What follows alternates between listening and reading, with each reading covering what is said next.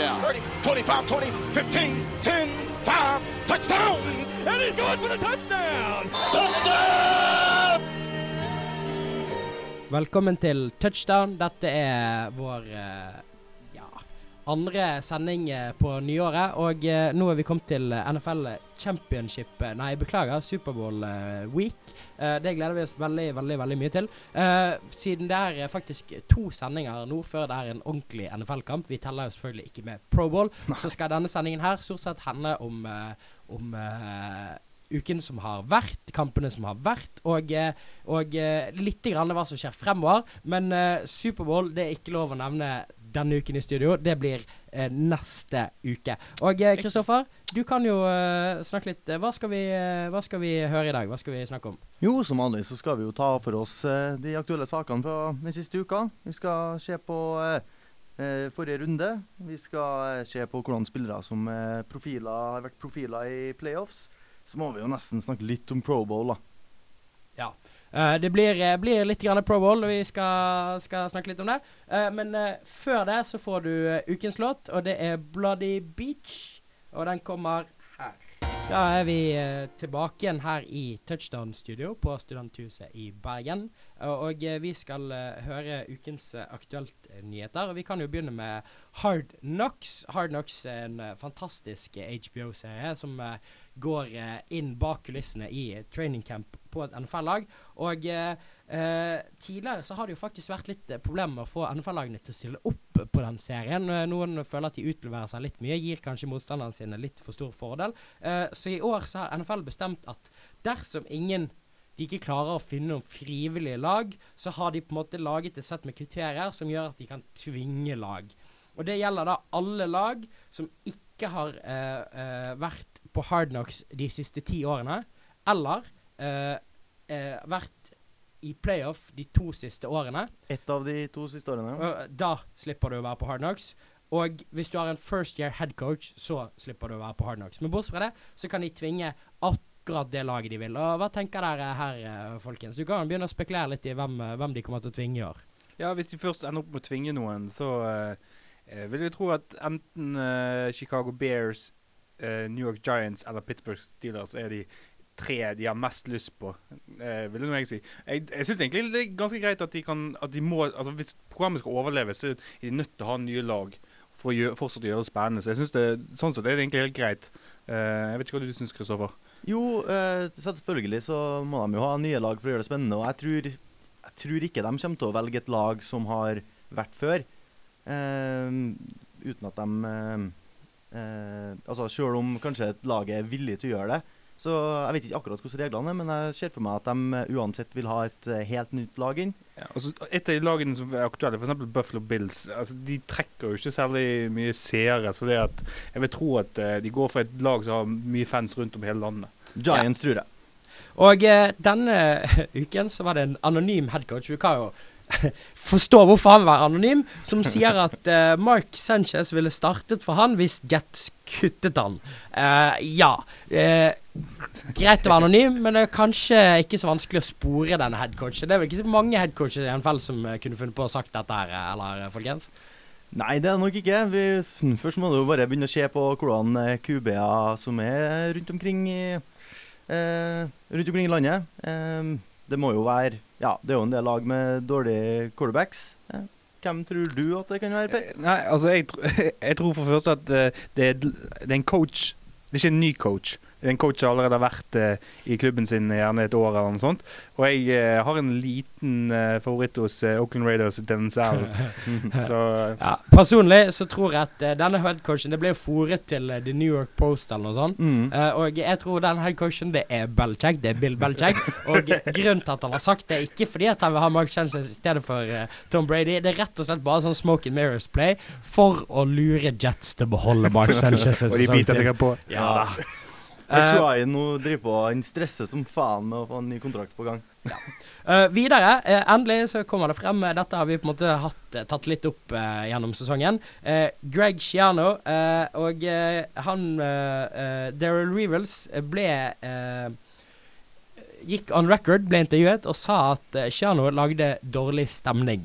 Mm. Uh, kanskje ikke det Han, han har mye mer han kunne tenke seg å si, men uh, nå begynner det å komme frem. Og tror dere det kommer mer frem eh, etter hvert, uh, folkens? Altså, jeg tror jo ofte så holder man jo ting ganske godt bak lukka dører i eh, NFL. Og det at han faktisk har gått ut på record og sagt at han skapte dårlig stemning på den måten han gjorde, og sa at folk ikke syntes det var morsomt å møte opp på jobb, det er egentlig ganske sterk statement i seg sjøl i NFL-verdenen. Jeg, jeg, jeg tror det at nå etter hvert som sesongen er over, og alle disse spillerne går rundene hos NFL.com og ISBN, ESPN og inn i TV-studioene inn i disse TV-studioene og radioprogrammene og alt mulig, intervjues overalt, så kommer det til å komme mer og mer og mer frem. Mm. Og eh, jeg tror også Dare Rivers er ingen uh, dumming. eh, ingen eh, Rogers Cromarty, om du vil. Eh, han eh, hadde nok sannsynligvis ikke sagt dette hvis han ikke var ganske sikker på at Greg Shiano aldri kommer til å få jobb som headcoach i NFL igjen. Ja. Og det kan jo legges til at han ble intervjua av Browns tidligere i uka her for headcoaching-jobben her. Eh, fikk han ikke. Ja. Uh, helt, helt, helt til sist, Uh, Vince Young, uh, som mange vet hvem er, tidligere for Texans quarterback, var vel Titans. Titans. Eagles. Mm. Og til slutt Eagles. Uh, han uh, Han uh, eh, slo seg selv eh, konkurs eh, i år. Eh, han eh, brukte 300 000 dollar på en bursdagsfest under lockouten i 2011, Som han ikke hadde råd til? som han ikke hadde råd til. Og for å betale for det, så tok han jo opp 1,8 millioner dollar i lån. Ja. Ikke første NFL-spilleren eh, noensinne som går konkurs etter han er ferdig. Og med det så skal vi faktisk videre, og vi skal høre The Next Episode med Snoop Dogg. Tilbake igjen i eh, Touchdown eh, stadion, nei studio, ikke stadion. Eh, og vi skal snakke om runden som har vært. Eh, har vært noen fantastiske kamper i helgen. Noen mer spennende enn andre. Og vi kan kanskje begynne i dette segmentet med å ta for oss den kampen som ikke var fullt så spennende som vi kanskje hadde håpet på. Eh, Patriots eh, 16 poeng, Broncos 26. Broncos vant egentlig ganske greit på hjemmebane. Og hva er det å si om den kampen her, folkens? Nei, altså uh, Skal jeg få si at NFL valgte riktig late-kamp, uh, som du var inne på. Det var en uh, Altså jeg hadde gledet meg enormt til å se Brady Manning, eh, men eh, Brady skuffet eh, stort. Det så virkelig ut som Altså, vi snakket jo om eh, forrige gang at Belichick er en mastermind til å planlegge, men det så virkelig ut som det var Broncos og John Fox som hadde ut uh, Altså de hadde Outschemed. ja, eh, Patriots. Jeg, jeg syns Manning spilte fantastisk. Receiverne var bra. De stoppet eh, Patriots helt Ja, og, og det er jo Altså, LeGarrette Blunt, siste tre kampene, 144 yards i gjennomsnitt. Mm. Uh, den kampen her, seks yards. Broncos-forsvaret stoppa opp løpene veldig bra. Noe de for så vidt eh, ja, De har ikke gjort det like bra i alle kamper i år, men det er jo der de har vært best eh, gjennom eh, hele året. Sånn sett så er det nesten rart at eh, Patriots ikke kasta mer enn det de gjorde. Etter hvert når de begynte, Tom Brady fikk ballen mer og kasta mer, så fikk de jo satt poeng på tavla. Og det var jo De hadde jo tre poeng bare fram til fjerde quarter. Ja, og da var det vel allerede litt sent. Var det, var det, var det 23-3 de ledde på, ledde Ja. på et tidspunkt, eller noe sånt? Mm. Altså, eh, det var ganske greit å være Broncos-fan i helgen, eh, Kristoffer. Åh, det var kjempefint! Satt i sofaen min og jubla og uh, kosa meg. Men det ble jo litt spennende, iallfall på slutten. da, altså i fjerde kvartal. så var- Det var jo da når, Bron når, eh, når Patriots hadde sjansen for å gå for to, og da bare være bak med, med åtte poeng, ja. og da har igjen muligheten til å Hvis de kan stoppe Broncos og kjøre en siste drive, så har de en mulighet. Det som jeg, jeg synes var et veldig gutsy call fra John Fox, det er jo det at når Broncos får ballen tilbake og driver nedover, og så har de vel eh, fire og syv, er det de har? Eller noe sånt? Mm. Og så går de foran. Ja. Og så konverter de, og så er kampen over. Ja.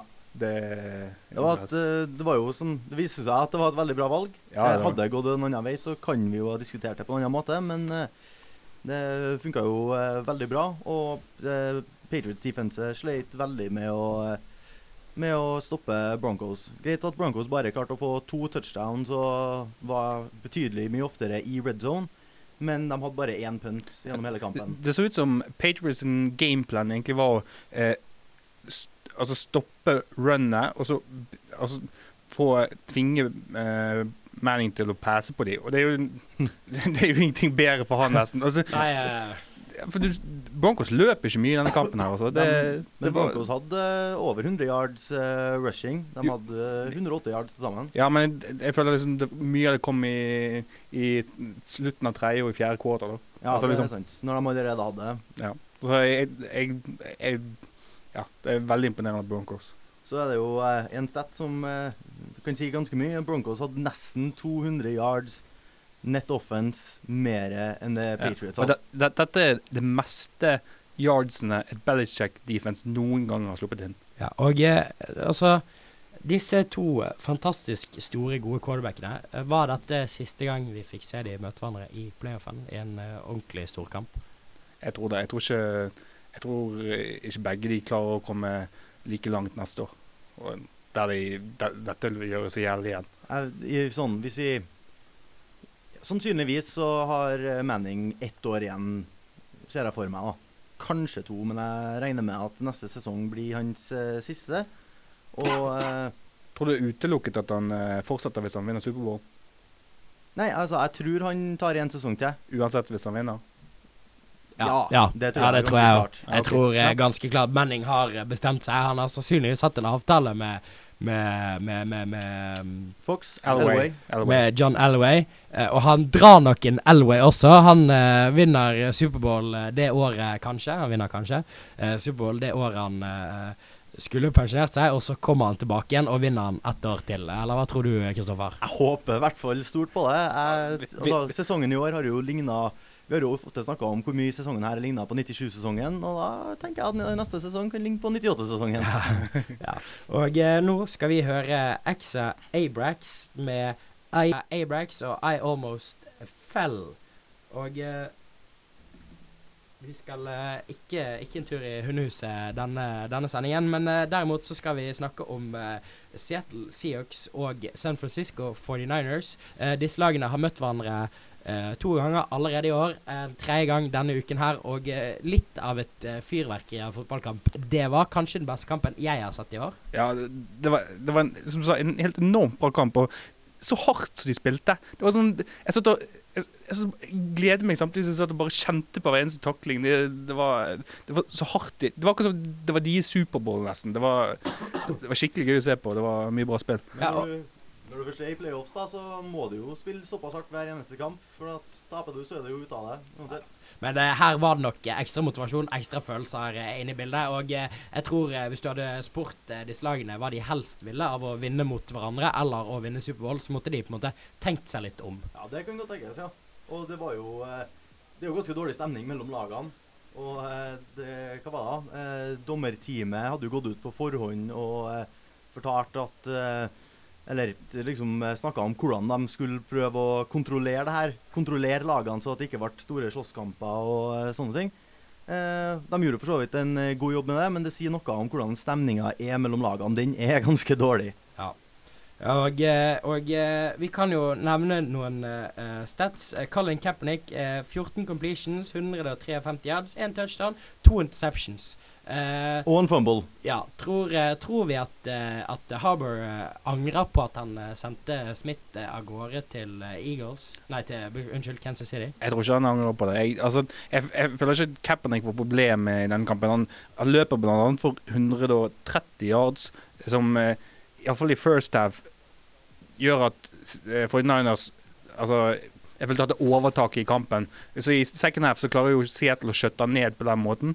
Uh, Ja, For det var jo ikke så mye annet run game i det bildet fra, fra 49ers her. Nei, Frank Gore var jo uh, ikke tilstedeværende. Han var vel litt skadet da, men altså, James og fikk ikke til mye på bakken. Det var Kaepernick som sto for løpingen. og Selv om han hadde et par veldig uh, tvilsomme kast, så Altså, jeg hadde gått for Kaepernick, hadde jeg på en måte valgt. Så eh, Og da var det jo eh, ehm, Ja, du sa at han hadde noen tvilsomme kast. Vi må jo snakke om den første interceptionen eh, som han kasta, var jo helt forferdelig.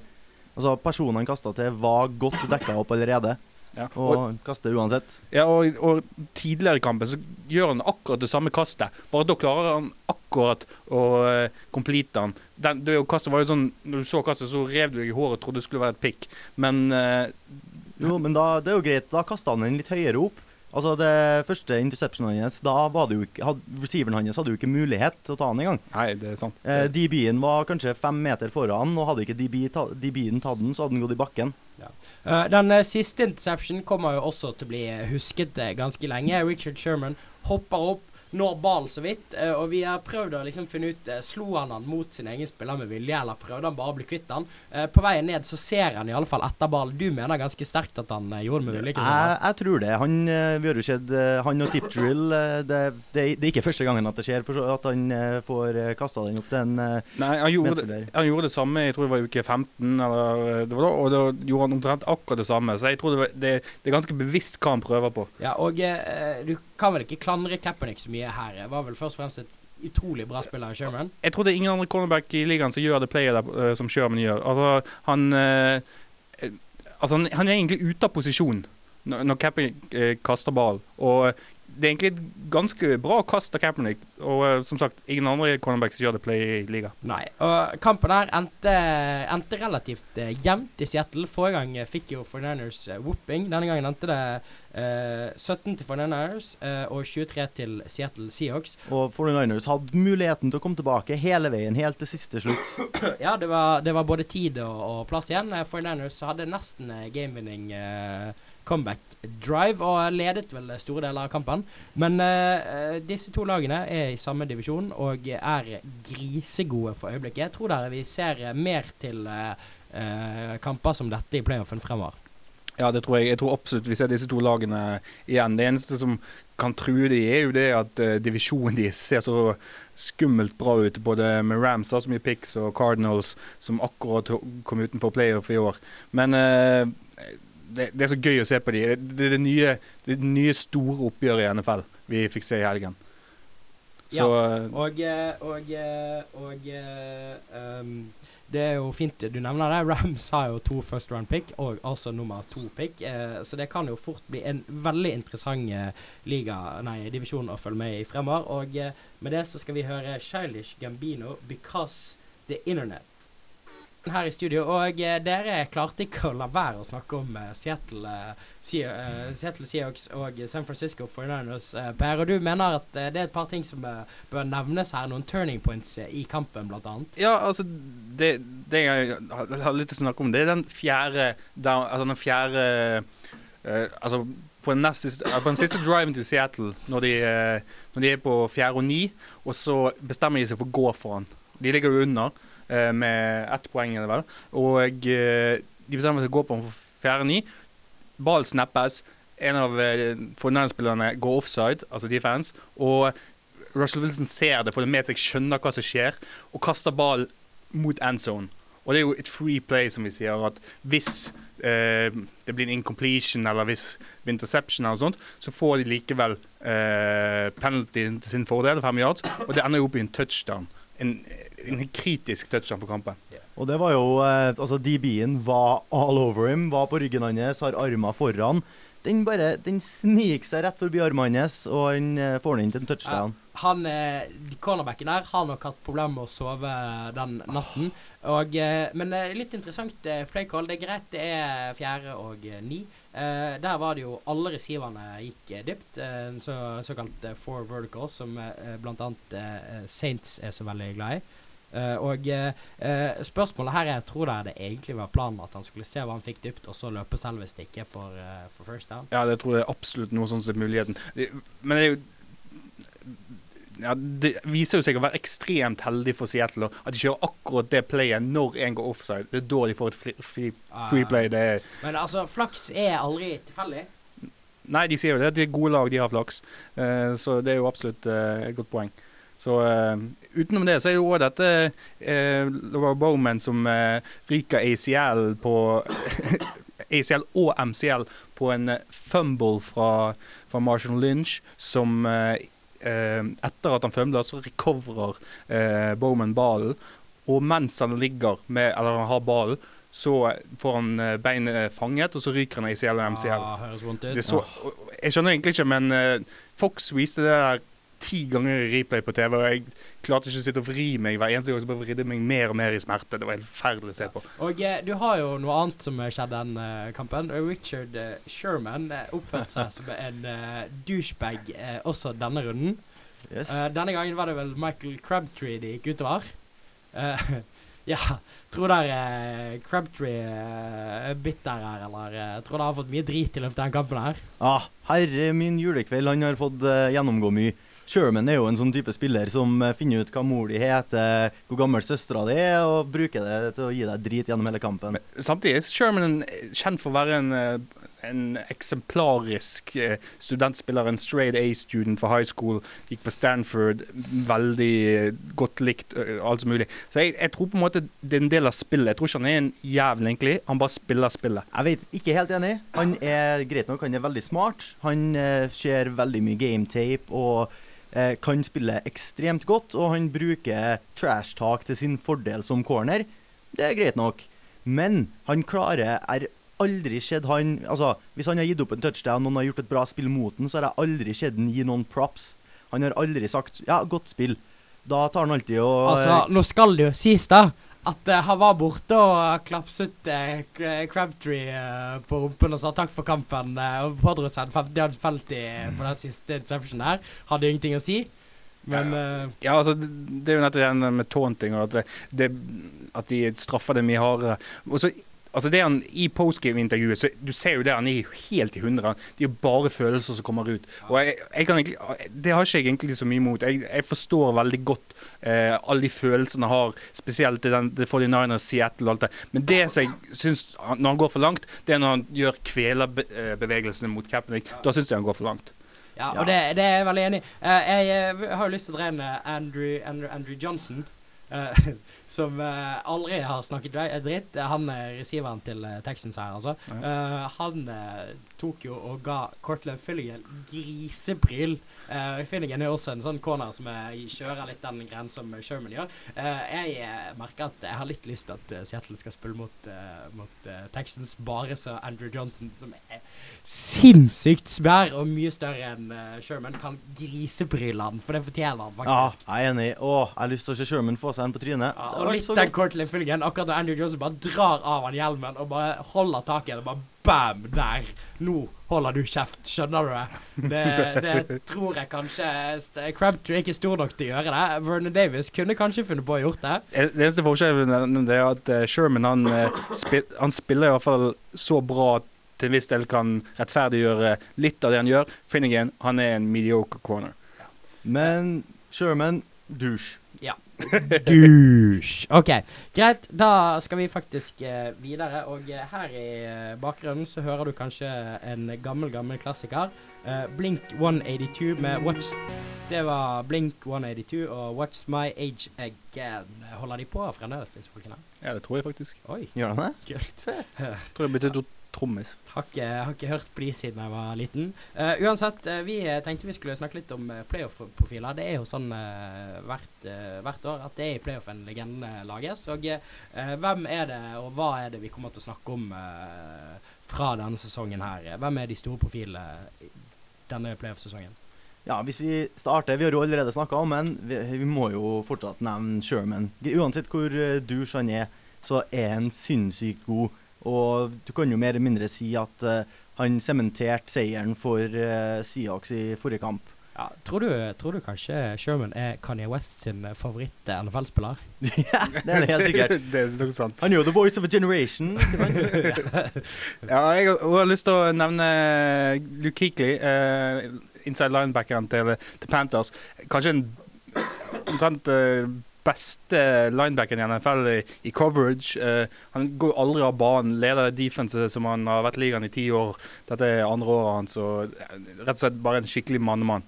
Ja. Uh, jeg har jo lyst til å nevne eh, en en, eh, mann eh, som heter Philip Rivers. Eh, og Philip Rivers har denne, denne playoff-sesongen her lært meg at når jeg ser NFL GamePass, så går det jo an å på en måte hoppe ti sekunder bak i tid. Ja. Og hver gang, spesielt når han spilte mot Manning, hver gang han sto og gren på sidelinjen, så var det fantastisk å bruke den knappen. Bare se det om igjen og om igjen og om igjen. om igjen. Det er, det er nesten like underholdende som å bruke den på Tom Brady nå denne helgen her. Var det det du gjorde hele helgen? Ja, det, Det var veldig artig å se Tom Brady grine, og han gjør det masse. Ja. Nei, det er jo andre spillere Det er jo lett å ty til kuber, men det er jo ofte de som dominerer mest og eh, gjør og at laget deres eh, ja, At de går videre i playoff. For da er, er jo det ikke feil å nevne Kaepernick som kampen mot eh, eh, Packers rett og slett tar over kampen og gjør som han vil med det Packers defense. Og i, i denne kampen mot Seahawks første half løper jo, løper jo ja, Det er han som holder for The Niners liksom skikkelig inne i kampen, og selv om defense spiller veldig bra, så er Kaepernick det tror jeg faktisk er virkelig framtidens mann for 49ers. Ja, og jeg eh, kan, kan komme inn med en eh, trener her. Eh, jeg har aldri syntes så synd på en trener som når Andy Reed gikk av banen etter å ha tapt mot Colts. Ja, det er sant. Han hadde faktisk fortjent å vinne her. Han hadde gjort alt riktig. Han hadde kommet inn, han hadde et godt lag. Han hadde på en måte snudd et lag rundt. Han hadde Han har hatt så mye motgang før eh, greiene. Han ledet med så mye. Og så plutselig begynte skadene å komme, og så kunne han liksom ikke gjøre noe heller. Og det, ja. Første spill i kampen mistet han bestespilleren sin. Ja, men i hvert fall med tanke på alt det som skjedde i fjor med Andrew Reid. Hvordan han på en måte ble jaget ut Eller jaget og jaget, men han nesten jaget ut av eh, Philadelphia. Og så går han til eh, eh, Chiefs, som er 2 og 14, og så tar han de så dypt inn i playoff. Og så bra som de var. Det er absolutt en verdig mann å nominere. Og så skal vi ikke snakke om mening. Er, det, han så stor en profil at vi bare hopper over den? Ja, jeg nominerer i hvert fall Ja, altså, eh, her, Manning. Manning er jo ikke i nærheten av så mye snakket om som Manning som sier Omaha. Har jo Nei, fått ok, det greit. store samtaleemnet. Hva betyr Omaha, Kristoffer? Jo, Omaha, det betyr alt fra Det er et løpespill, det er et kastespill, det er ingen av delene. Vi legger oss ned, vi tar et kne. Omaha betyr alt i hele verden. Ja, det er vel det, det som betyr noe, er vel jeg hørte han sa at det betyr uh, hvil- hvilke kvader er vi, hvilken vei driver vi, hvilken down er vi på, hva, hva er distansen på down. Alt dette spiller inn i hva Omar betyr. Det må jo være ekstremt forvirrende å være f.eks. O-lineman på dette. Det er, Altså, skal du spille eh, på lag med Manning på offense, så må du ha noe mellom ørene. ja, det er absolutt sant. Ja, det, ja. Manning, Omaha. Uh, det gikk jo noe greier rundt på nettet om at eh, det var et, en drikkelek. Hver gang Manning sier Omaha, så skal du ta en Herregud, da må du jo pumpes. Ja, Ja, så, du, så du at i kampen i helgen mot Patriots, så var det i andre i kvader, så hadde de eh, tall på hvor mange ganger Manning hadde sagt Omar framme på line of scrimmage, og det tror jeg det var åtte eh, ganger. Det var jeg gått ut i andre kvader. Og så er det Vil jeg for så vidt bare nevne eh, Vickerson, som er eh, midten på D-line for eh, Broncos, som er med å demme opp og gjøre at det er veldig vanskelig å løpe på dem for tida. Og eh, da skal vi ha litt eh, mer musikk her. Vi skal høre Cash Conversion, holdt på å si, eller gjøre noe med ekstrapoengforsøket. Ja, det er jo liksom at uh, Roger Godell som faktisk har nevnt det nå i siste. Det har jo vært Viser seg at det er Belchek sin idé. Men- Selvfølgelig. Men det er jo liksom det at uh, Jeg tror sånn 99,8% av alle one point conversion de uh, går inn. Jeg tror det var 15 spill i år som kanskje det ikke gikk. Nei, uansett. Men poenget er det at eh, eh, NFL mener at kanskje det er blitt for kjedelig. Det er en blitt så automatisk ting at det ikke er spennende for fansen. Og det er jo nettopp det NFL ønsker. De gjør, ønsker å gjøre ting spe mer spennende. Så da er jo alternativen hva skal erstatte one point conversion? Og da er jo det Alternativet i dag det er jo å gå for to. Sant? For toyardslinjen. To poeng. Og eh, det de snakker om mulig, er jo Det jeg hørt de har nevnt, det er jo det at du får automatisk syv poeng når du skårer en touchdown, og så har du muligheten for å gå for for, eh, for, for to, eh, to, toyardslinjen. Og da, hvis du klarer det, så vil du bare få åtte poeng. Og hvis du ikke klarer det, så vil du få seks poeng. Jeg synes egentlig det ja, Jeg vet ikke hva syns dere om den ideen? Det syns jeg Altså, jeg har ikke noe mot å se at de eh, springer fort ut på banen og kicker en one point conversion. Det er veldig Plutselig så bommer man, og det kan jo være spennende. Da, da, vil jeg heller, da skulle det heller vært at de får sju og har muligheten til å få åtte. Og, og du, har jo, du har jo den fantastiske eh, historien eh, for et par år tilbake igjen, når Tony Romo ødelegger playoff-muligheten til Dallas Cowboys. Eh, de eh, eh, har akkurat teiet tiet kampen i siste, siste kampen i sesongen, tror jeg. Mm. Hvis Cowboys vinner her, så er de i playoffen. Hvis de taper, så er de ikke. De har akkurat teiet den på slutten. Eh, Tony Romo er også holder. Det er fordi at han startet eh, sesongen som backup quarterback, og ble liksom da han br- brøt gjennom. Uh, mister ballen og prøver å løpe han inn, blir taklet før han løper inn. Uh, derfor går kampen til overtid, og Cowboys taper kampen. Ikke sant? Det, det, altså, den historien, bare den alene, med Tony Romo som sitter på banen og griner etter å ha fucket opp hele sesongen til Dallas Cowboys, eh, er liksom verdt å ha de ekstrapoengene. For du vet aldri når det på en måte Jeg ryker. Jeg syns det er spennende, òg. Ja, og, men jeg syns faktisk hele ideen er litt spennende. Og alt dette er noe som sikkert skal stemmes på på owners meeting, og de har det jeg tror i mars eller noe sånt. Men jeg syns det er en spennende idé å prøve å gjøre nytt med noe med one point conversion. Og det jeg synes er litt spennende, istedenfor å gjøre dette de snakker med, så bare tvinge alle lagene til å gå for, for tohjulslinjen. Det syns jeg kunne vært en interessant idé. men jeg har også hørt et, et litt sånn eh, kult forslag, eh, som jeg har litt sansen for. Eh, det å gjøre litt sånn som man gjør i rugby. eh, at eh, etter, eh, etter en scoring så har man som vanlig mulighet for å gå for to. Eh, kanskje man må endre litt og flytte litt på den, men man har mulighet til å gå for to. Eller man uh, går for ett poeng, og det gjøres ved at kickeren din, helt alene uten noen andre, sparker ballen fra ti. Eh, fra da 35-yardslinjen, altså det er et 45-yards eh, field goal fra en av hashmarksene, og må treffe innimellom. Og Treffer du innimellom, så får du et poeng. Treffer du ikke, så får du ikke. Blir litt sånn spennende etter scoring, se om de får de poengene. Hvis det er liksom 70-80 sannsynlighet for at den går inn, så, så kan kickeren eh, ha mye å si. Og det er alltid gøy å se kickeren som får drit på sidelinjen. Men jeg, jeg tror ikke det er noe av dette de kommer til å innføre til neste sesong. Jeg tror det er mer sånn de snakker om noe, og så kanskje i framtiden vil vi se noe Men sånt. Men samtidig så har jo NFL vært ganske flink. eh, Det går eh, forholdsvis kort tid mellom eh, eh, idé og virkelighet. Ja, det, hvis, det er nettopp dette. Hvis, hvis eierne liker dette, og de er jo interessert i penger, så det at hvis, de, hvis de ser at dette er en, en måte for å få folk mer interessert i sporten, så er det absolutt mulighet for at dette blir en realitet. Ja, Og så vet de jo at uh, rugby er veldig populært i resten av verden. Og at uh, det, altså, det kan jo tenkes at det plutselig drar noen flere når det Ja, i Australia plutselig så kommer det opp at de har valgt å dra inn eh, noen rugbyregler eller noe sånt. ikke sant? Uh, men uh, ja. Med det så lar vi det være siste ordet, og hører, som har vært den siste sangen i programmet de tre siste gangene, Major Parkinson og Impermanence.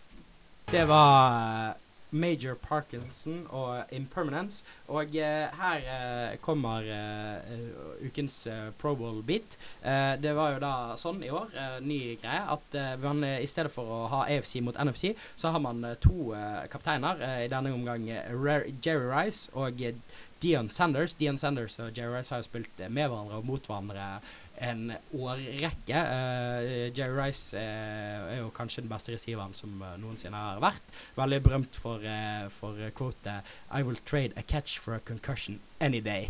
Ikke mange receivere i NFL som hadde sagt det. De, Dion Sanders han er litt mer den swag-typen. Han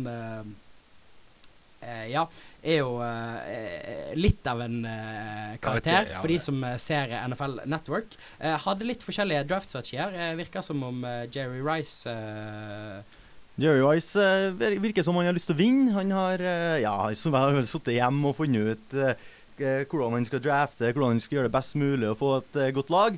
Dion Sanders har vel funnet ut hvem det er artig å henge med, hvem man kan prate skit med, og hvem man kan gå på byen og dra damer med. Ja, det, er, det virker som om eh, Sanders draftet eh, de han, uh, han uh, syntes var kul. Han skal ha bros på laget. Ja, Så det var bros mot, uh, mot hoes, holdt på å si. Eh, em, og eh, litt spesielle draftregler eh, også. Ja, det var det jo. Eh, hvert lag har en eh, viss allotted eh, eh, altså antall spots for eh, spillere på eh, for eh, forskjellige posisjonene. Og straks et lag da har fylt opp eh, sine eh, plasser, så blir de resterende spillerne på de posisjonene automatisk eh, overlatt til det andre laget. Ja. Ja. Eh, og så var det jo ikke Det var jo ikke alle som ble draftet, det var bare de 48 første, eller noe sånt. Så det var noen Eller 38 første, eller noe sånt. Mm. Så det var noen som ikke skulle sitte og grine og være sist, selv om Alex Smith greide å bli valgt sist. Ja.